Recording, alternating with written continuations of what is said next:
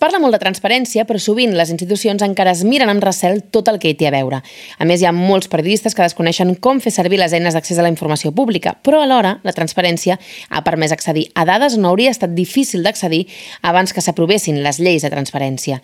Precisament aquest mes de desembre fa 10 anys que es va aprovar la llei de transparència espanyola i un any més tard es va aprovar la catalana. I per això, en aquest episodi de l'Observatori volem parlar de transparència. Ho farem entrevista a Neva Belmonte, periodista experta en investigar dades públiques i directora de Cibio, una fundació que lluita contra l'opacitat de les institucions per aconseguir més transparència. A més, també sentirem el Pau Esparc, autor d'un informe sobre aquesta qüestió que hem publicat a Mediacat fa poques setmanes. Aquest és el tema principal d'aquest dotzè episodi de l'Observatori, el podcast de Mediacat, impulsat pel grup de periodistes Ramon Bernils, un espai on cada mes tractem qüestions d'actualitat vinculades amb el periodisme i la comunicació. Soc la Carme Verdoi i això és l'Observatori. Comencem! L'Observatori el podcast de Mediacat.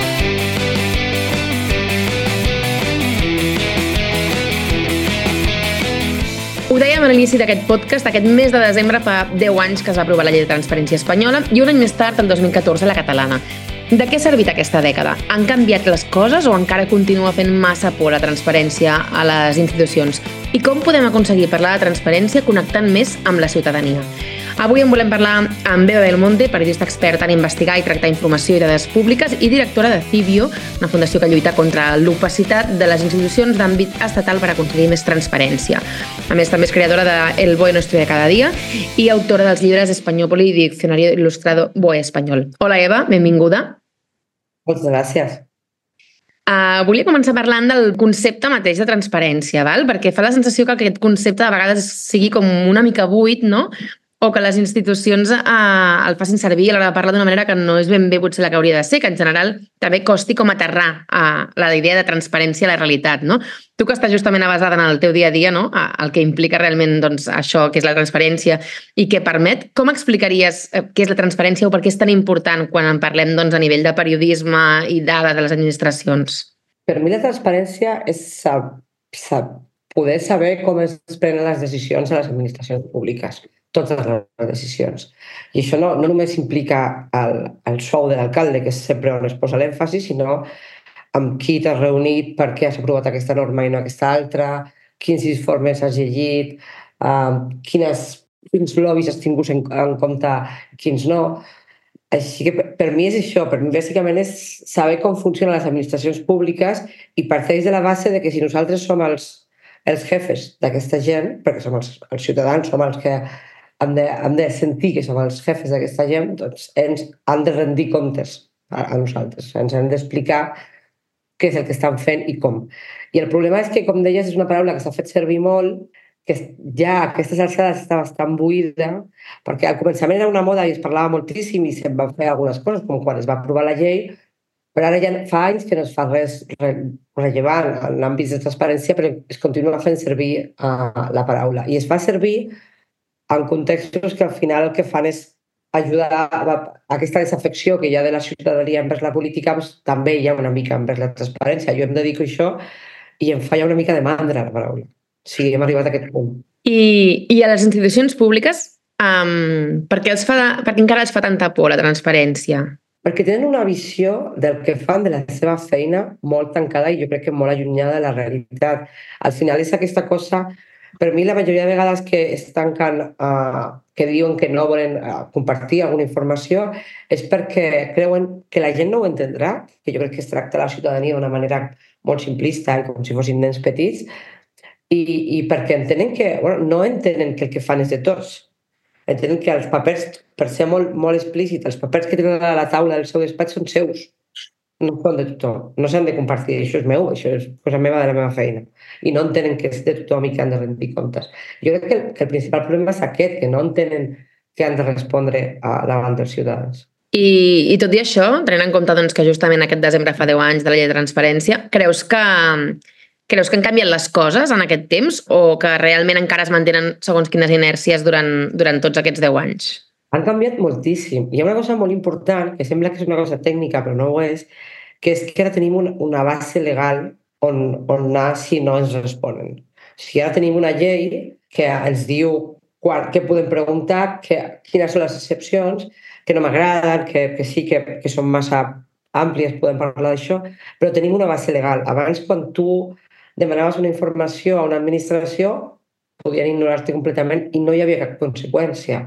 Ara les conseqüències no són la leche, però bueno, però com a mínim tens la base legal i pots fer una pregunta bastant en la llei i llavors t'han d'argumentar per què no, pots recórrer, pots... tens un camí legal que pots seguir que abans no en teníem. Llavors és un canvi molt important, molt, molt important. Nosaltres hem arribat, a CIBI hem arribat al, al Suprem i ens ha donat la raó perquè no, no ens volien donar determinada informació. O sigui, al final tens un camí legal que pots seguir, que per suposat no tothom fa això i, i te, necessites molts recursos, però tens un camí legal que pots seguir. Llavors, hem millorat molt, ha canviat molt en aquests 10 anys. N'hi ha, ha més i més persones treballant a les administracions que creuen en això. Són poques, estan aïllades i, i fan el que poden amb els recursos que tenen, però hi ha molta gent que creu en això. Però per mi el més important és tenir aquesta base legal, perquè abans estaves totalment desemparat, era com demanaves una informació, t'ignoraven i no podies fer res. I va arribar massa tard, la llei, creus? Va molt tard, vam ser l'últim país eh, més o menys eh, gran d'Europa que va tenir llei. Va arribar molt, molt tard. Ara que fa, per tant, doncs, aquests 10 anys que es pot fer una mica aquest balanç, no? també, i que comentes doncs, això, no? que hi ha com aquesta base legal, um, què creus que s'hauria de millorar més en, en aquest sentit? És a dir, de, de com és la llei, què creus que s'hauria d'aconseguir uh, canviar en relació a la transparència? No sé si potser el tema dels retards, no? de, dels terminis que hi ha a l'hora de, de respondre per part de les administracions, què creus?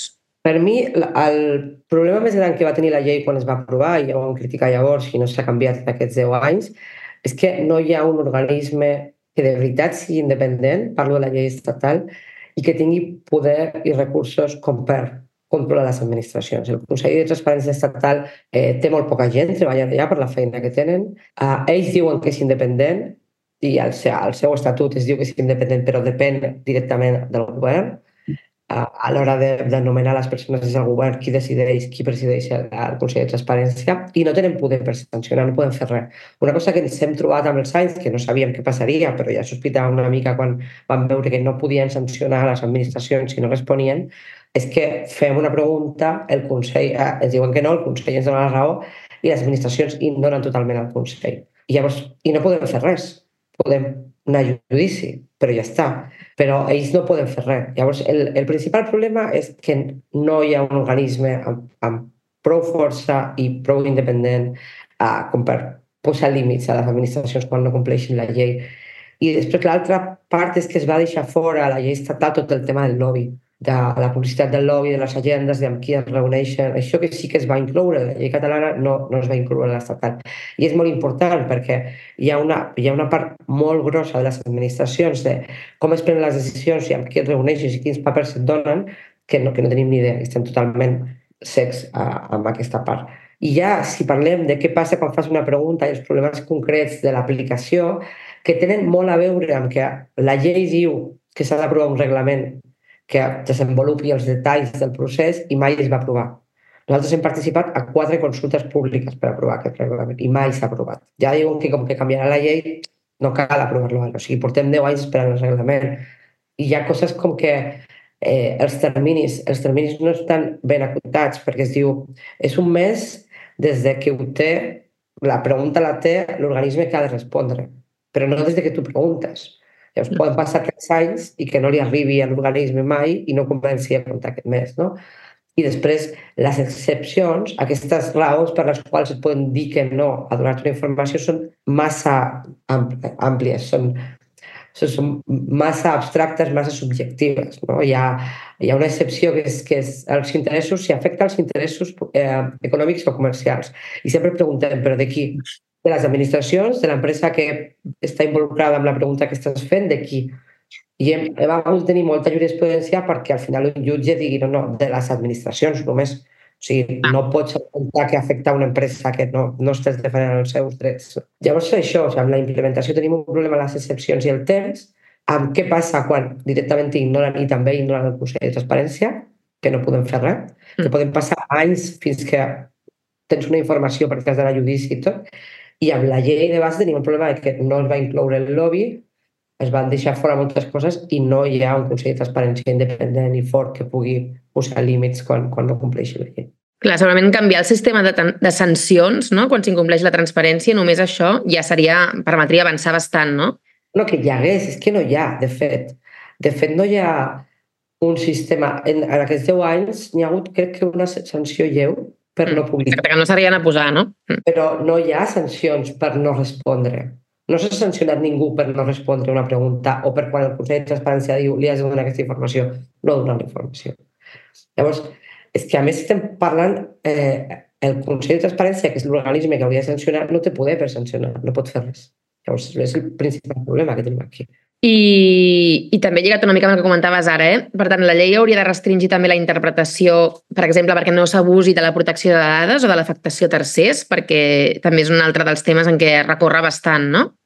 Sí, el problema de la llei és que la llei de protecció de dades és una llei orgànica, llavors està a un nivell superior i és una llei molt important i que es respecta molt i que té multes molt potents si incompleixes, penes molt grans si, si no compleixes uh, la protecció de dades, però la llei de transparència és una llei estàndard, com si diguéssim, no? no és orgànica, està per sota i llavors qualsevol cosa que tingui a veure amb dades eh, estan protegides i van per sobre la transparència. I moltes vegades ni tan sols hi ha un, hi ha un, un argument de per què aquestes dades han d'estar protegides. Nosaltres ens han dit que no ens donaven els noms dels assessors que treballaven als ministeris per protecció de dades. I ja està. Clar. I quan va portar al Consell de Transparència em van dir no, no, però quines dades estàs protegint? El nom d'una persona que treballa un ministeri no és una dada especialment protegida i és evident que es pot saber qui, qui treballa allà. No? O sigui, s'està abusant moltíssim d'això. Llavors, és que una cosa que s'hauria de fer amb la, amb la nova llei és que fos orgànica i que llavors tingués el mateix nivell que té la llei de protecció de dades i també tingués un règim sancionador potent al mateix nivell i així o sigui, si un funcionari ha de decidir si incomplir protecció de dades transparència, incompleix transparència perquè no hi ha una conseqüència, però si incompleix protecció de dades pot tenir una multa enorme, pot tenir conseqüències molt grans. Llavors és un dels problemes. Jo crec que la llei amb la reforma, que, que ja veurem si es fa aquesta legislatura, perquè es va dir que es feia la passada i no es va fer, eh, s'hauria de primer pujar el nivell de la, de la llei i segon imposar un règim potent que la posi al mateix nivell. I per part dels periodistes penses que falta més coneixement del, de, de, és a dir, que, que més periodistes coneguin saber què permeten les eines de, les eines de transparència? És a dir, que potser encara uh, no s'és prou conscient del potencial que tenen a nivell, o sigui, no a nivell de periodistes que troquin més dades, sinó a nivell general, no? de, de potser ser conscients de, de ser capaços de fer-les servir per arribar a publicar o a descobrir segons quines informacions. Jo crec que s'està usant cada vegada més, però eh, i entenc per què no la fan servir de forma general, perquè és, és que requereix molt de temps. Quan tu fas una sol·licitud d'informació fent servir la llei de transparència, potser no tens la resposta en tres mesos. I estic sent bastant optimista. Si no has d'anar a judici o a la de transparència, llavors amb els ritmes que portem a un diari, per exemple, d'informació general és molt complicat. Però hi ha una cosa molt bona que tenen les lleis de transparència és que, encara que sempre poden haver-hi prejudicis dins de les administracions quan contesten a un o a l'altre, quan tu truques a un gabinet de comunicació, un gabinet de premsa, tots els periodistes sabem que segons de quin mitjà ets, et responen amb més o més fluidesa o potser t'estàs preguntant una cosa i com que no li agrada molt el teu mitjà, doncs li, li filtren això a l'altre. El que tens quan fas servir la llei de transparència és que és igual que siguis. És igual si ets un periodista, un mitjà gran, petit, un ciutadà qualsevol, la, la, norma és la mateixa. I haurien o han d'argumentar si et donen la informació o no amb les mateixes, amb el, el mateix criteri. Llavors, és, crec que és molt important per periodistes, sobretot quan sabem que estem sent gairebé maltractats per on, per, per on treballem, eh, doncs poder, poder fer servir aquesta altra via. Però, clar, s'ha de fer servir per investigacions a llarg termini. No es pot fer servir per un tema que has de treure demà. Clar. Si és més fàcil i si no et diuen res, doncs no et diuen res. Llavors, jo, jo entenc molt bé que no es faci servir tot el que potser podria ser, però, però continuo dient que és una eina molt important pel periodisme quan fas investigacions a llarg termini i sobretot quan necessites forçar d'alguna manera les administracions a donar-te informació que no et volen que el gabinet de comunicació no et vol donar quan truques. Des de Cibio investigueu tot allò que és públic, no? I d'alguna manera eh, potser això fa que, no sé si cre creieu que hem passat per alt durant molt de temps segons quins aspectes que ens afecten com a ciutadania només perquè no els entenem. És a dir, que de vegades és com el que deies al principi, no? D'una banda, les administracions es pensen que allò que tracten ha de ser, és seu i no tenen per què mirar-ho ningú, i d'altra banda, a l'hora de fer servir segons quin llenguatge, per exemple, o de protegir segons quines dades, sembla com si com a ciutadania ja hi hagi com una desconnexió de dir ui, això no ho entenc ni m'ho miro. Sí, però és que aquesta és la feina del periodisme. Per mi una de les feines més importants d'un periodista és explicar de forma molt clara que pugui entendre qualsevol coses molt complexes. I crec que és una de les labors més importants que fa el periodisme. I clar que el que passa a les administracions és molt complex i el llenguatge és horrorós i, i, i no hauria de ser així, això, això hauria de millorar. Però és que crec que la, que la feina del, del periodista és fer, i no és una traducció, és, és explicar una realitat molt complexa de forma molt, molt clara i molt directa. Llavors crec que som nosaltres els que, que hem de fer aquesta feina mentre podem anar reclamant que millori el llenguatge o no, però hem deixat de banda moltes coses perquè al final la, el poder per ser optimista amb la professió també, el poder més important d'un periodista és decidir l'agenda, decidir de què parlem. Si vull fer una investigació sobre això i no sobre això i en el moment en què treballem, responem, responent a declaracions del dia, a notes de premsa, al que ens envien, al que ens filtren perquè li interessa algú, perquè l'altre, per, perdem una mica aquest poder. Llavors, el, el que a mi m'agrada molt de treballar investigant dades, fent preguntes de temes que m'interessen i, i xafardellant una mica què passa al BOE, què passa al Congrés, és que jo miro tot i sóc jo la que decideixo quins temes crec que són rellevants, rellevants i no m'ho diu ningú. I aquesta mena de poder, mantenir una mica aquest poder, crec que és molt important. Clar, potser falta també uh, aquesta, aquest, per part de la professió, no? Potser doncs, aquest entrar, en aquest cas concret doncs, que comentes, no? d'alguna manera descodifiques també una mica tota la informació que es publica al BOE no? I, i al final també això serveix per demostrar, no? amb la feina que feu doncs, des de, com a creador del BOE Nostre cada dia, també serveix per demostrar que al final no és que la gent no li interessi, sinó que segurament mm, potser si la manera que té d'accedir-hi no és clara, doncs és impossible que pugui intentar entendre tot aquest món de dades, no? Vull dir que al final eh, seria potser trobar aquest equilibri no? de, per part del periodisme, intentar trobar també l'escletxa, perquè, com deies tu, no? les rutines de la urgència de l'actualitat molts cops doncs, mm, ho evita, però mm, potser intentar superar aquesta idea que, que, que, com que hi ha un llenguatge que desconnecta, no interessa, no?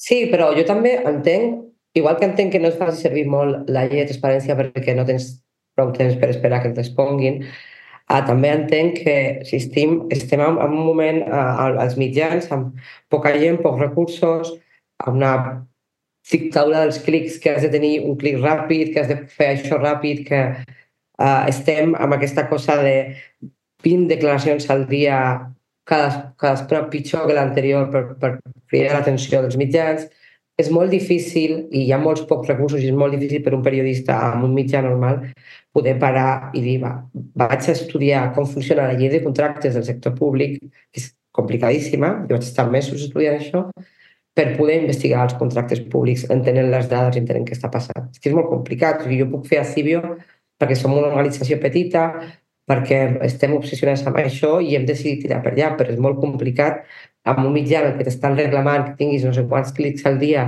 que facis cinc temes en un matí, és molt complicat fer això. Llavors jo ho entenc, ho entenc perfectament, però que hi ha un interès molt bèstia, perquè al final tu pots...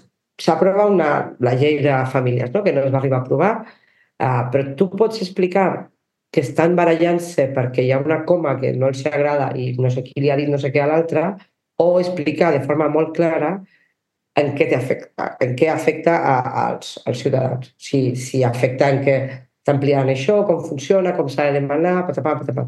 Això hi ha moltíssim d'interès. De les notícies més llegides, a Cibio n'hi ha una dels últims mesos, n'hi ha una on explicàvem la reforma del sistema de, de, de la gent que fa feina a cases, no? Uh -huh. A les dones que treballen a cases, perquè la majoria són dones. Van anunciar la mesura, a la majoria de mitjans es va explicar com un debat entre què passa aquí i allà i per què és important i repetint les declaracions de Yolanda Díaz i tot. Aleshores, quan va sortir al BOE van fer un article explicant tu que treballes a una casa, com t'afecta, com et canvia la nòmina, vam posar un exemple de, de, del que passa a la majoria de casos, que és el mínim mínim que cobren quan has de cotitzar, per què, com et canviarà el sou, com et canviarà la persona que, per la que treballes. I això és de les més llegides que tenim, perquè no hi havia aquesta informació en joc. Una altra molt, molt, molt, molt llegida és el preu de la, de la bombona de butà, que està regulat per llei i no et poden cobrar més. I nosaltres cada mes, cada dos mesos que es publica el web, traduïm això i expliquem quin és el preu final. Sembla una xerrada i no sembla un politxer, no sembla el superperiodisme que sempre has volgut fer, però és que no estava en joc i la gent va descobrir que li enganyaven, que li cobraven de més, i hi ha molta gent que encara funciona amb un bola. Però clar, moltes vegades a les redaccions vius en un altre món i no ets conscient de com d'important és això. Tu com a observadora diària no, del BOE recomanes realment el, el, als periodistes que, que o sigui, l'hauríem de mirar més, el BOE, per descobrir fins i tot coses del, del, del dia a dia, no? És, o sigui, hi ha tantes coses, però els diaris oficials... Jo vaig començar sí. fent tot això perquè llegia el diari oficial de la Generalitat quan estava a Barcelona. O sigui, hi ha tantes coses que estan passant ahí que ningú mira i que són tan rellevants. O sigui, no dic mirar el BOE cada dia perquè potser no és la, la feina més divertida del món, però sí que si tu ets un periodista especialista, no sé, en cultura, pues un cop al mes mirar al BOE o a la plataforma de contractes quins contractes té el museu més important de la teva comunitat autònoma. No sé. O sigui, hi ha moltes maneres de mirar-lo o de fixar-se en coses concretes o si ets un periodista de, no sé, de, de, que fa temes de, de, de polítiques socials o així, pots mirar no sé, com s'han repartit algunes subvencions o què s'ha fet últimament o com pots explicar alguna de forma més concreta. O sigui, no és qüestió de hem de mirar-lo tots tota l'estona, que estaria bé perquè jo deixaria de fer-ho i podria descansar, sinó que és molt útil, no només el BOE, altres uh, publicacions oficials, a l'hora de treure informació exclusiva de veritat, perquè no te l'ha passat ningú, no és una nota de premsa que té tothom, de forma molt rigorosa.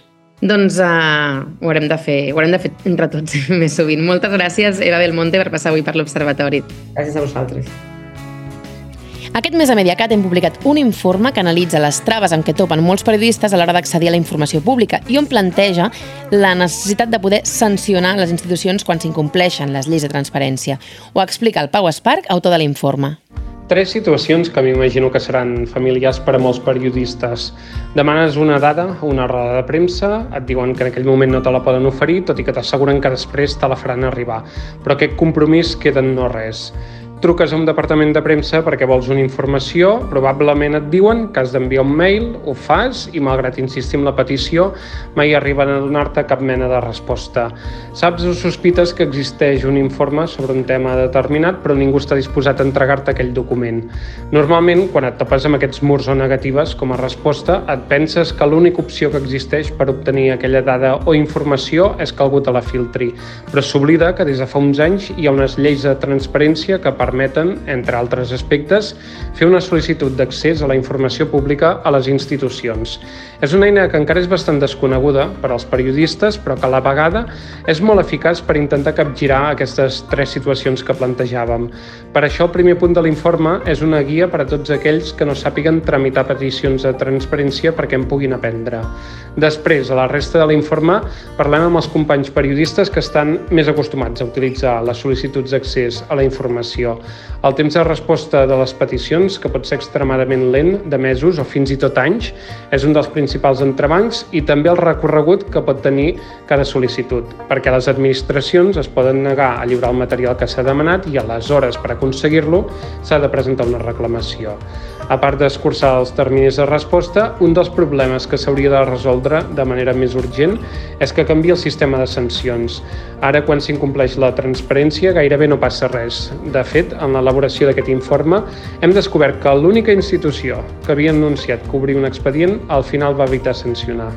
També caldria que els mitjans apostessin més per la transparència, que no només ofereix dades, perquè, per exemple, també pot donar accés a consultar alguns missatges de WhatsApp dels polítics.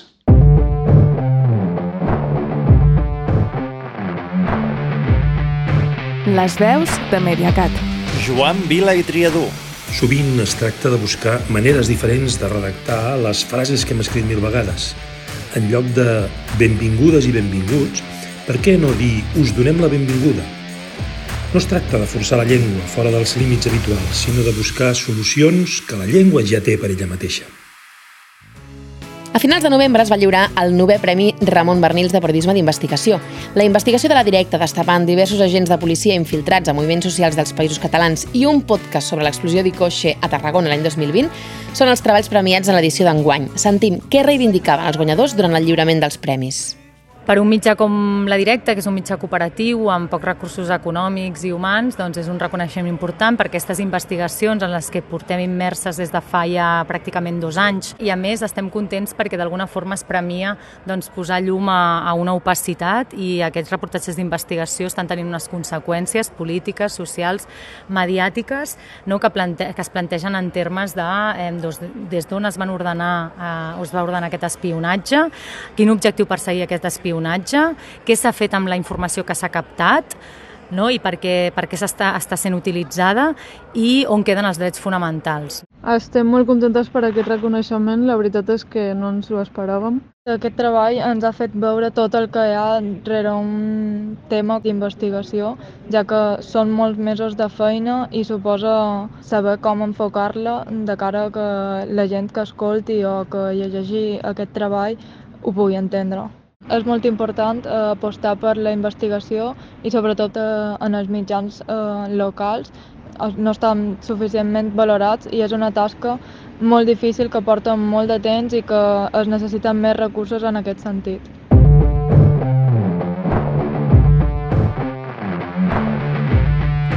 Les veus de Mediacat. Arnau Lleonard. Després de les publicacions de la directa, molta gent ha pres consciència de la profunditat del forat on viuen. I ara, tots els altres ratolins infiltrats ho tenen més difícil per continuar parasitant. Perquè malgrat que ara pugui semblar que han quedat impunes, potser ho acaben pagant més endavant.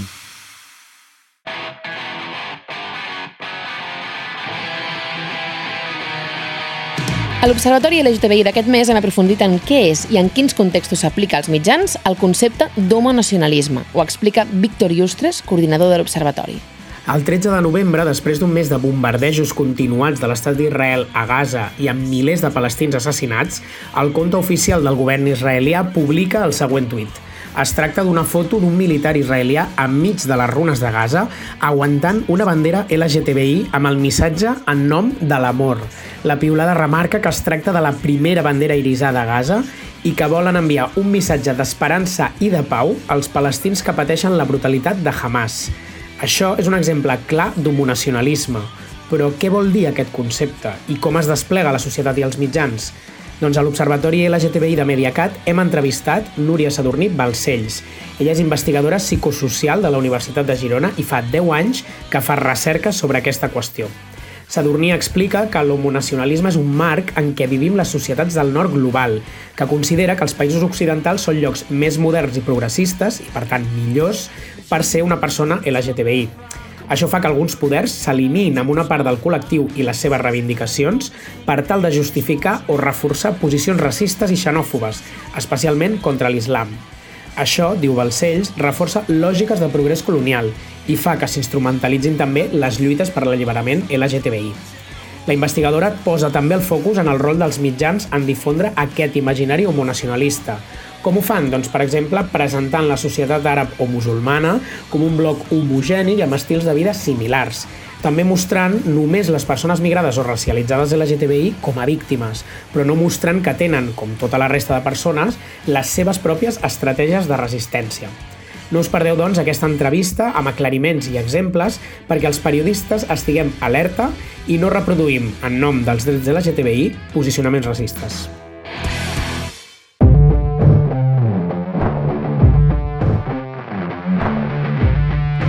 Les veus de Mediacat. Sònia Begudanc. El deure dels periodistes amb la llengua ha d'anar més enllà del mer fet de fer-la servir. Ha d'incloure també fer-ho amb correcció, claredat i exemplaritat. I tanquem aquest episodi del podcast de Mediacat repassant els casos que hem recopilat durant les últimes setmanes al mapa de la censura, que recull els incidents que tempten a la llibertat d'expressió i el dret a la informació. Els explica la Gemma Garcia, coordinadora del mapa. Doncs sí, Carme, durant el mes de novembre hem recollit set incidents al mapa de censura i gairebé tots afecten professionals de la informació. De fet, el mes va començar amb la greu imputació del periodista de la directa Jesús Rodríguez per terrorisme. En la recta final per la investidura, el jutge García Castellón va decidir imputar Rodríguez per Tsunami Democràtic juntament amb 11 persones més, entre elles Carles Puigdemont i Marta Rovira. La directa denuncia que el cas del periodista del seu mitjà representa un greu atac al dret a la informació i ha llançat un comunicat al que s'han adherit ja més d'una seixantena d'organitzacions periodístiques i professionals. I passant al marc de les protestes en solidaritat amb Palestina, han tingut lloc dos, dos incidents. Per una banda, durant l'ocupació simbòlica de l'estació de França de Barcelona, el fotoperiodista freelance Charlie Pérez ha estat retingut i gravat pels Mossos d'Esquadra després de fer una fotografia d'una pancarta davant d'un agent. I per l'altra, en una mobilització a Sant Cugat del Vallès, la policia ha identificat dues persones que portaven banderes palestines, un episodi que ha estat denunciat per Amnistia Internacional com un atac a la llibertat d'expressió. I també en el mar de protestes, però en aquest cas contra l'amnistia, hem registrat dos incidents més. Un grup de manifestants concentrats davant la seu del Partit Socialista València ha impedit acabar la connexió en directe de l'informatiu del migdia de Punt. Han tapat la càmera amb banderes d'Espanya i, a més d'insultar-los, els han llançat llaunes. Alguns manifestants aixecaven el braç fent la salutació feixista i empantaven la periodista. Així mateix, el fotoperiodista Emilio Morenati ha estat expulsat també d'una manifestació contra l'amnistia a la plaça Sant Jaume de Barcelona a crits de traïdor. I finalment, dos periodistes de la directa que cobrien un desnonament a Barcelona des de dins l'edifici han estat identificats pels Mossos d'Esquadra i el fotoperiodista Jordi Borràs ha denunciat que la policia ha dificultat la visibilitat dels reporters gràfics durant el desallotjament dels blocs El Cubo i la Ruïna a la Bonanova.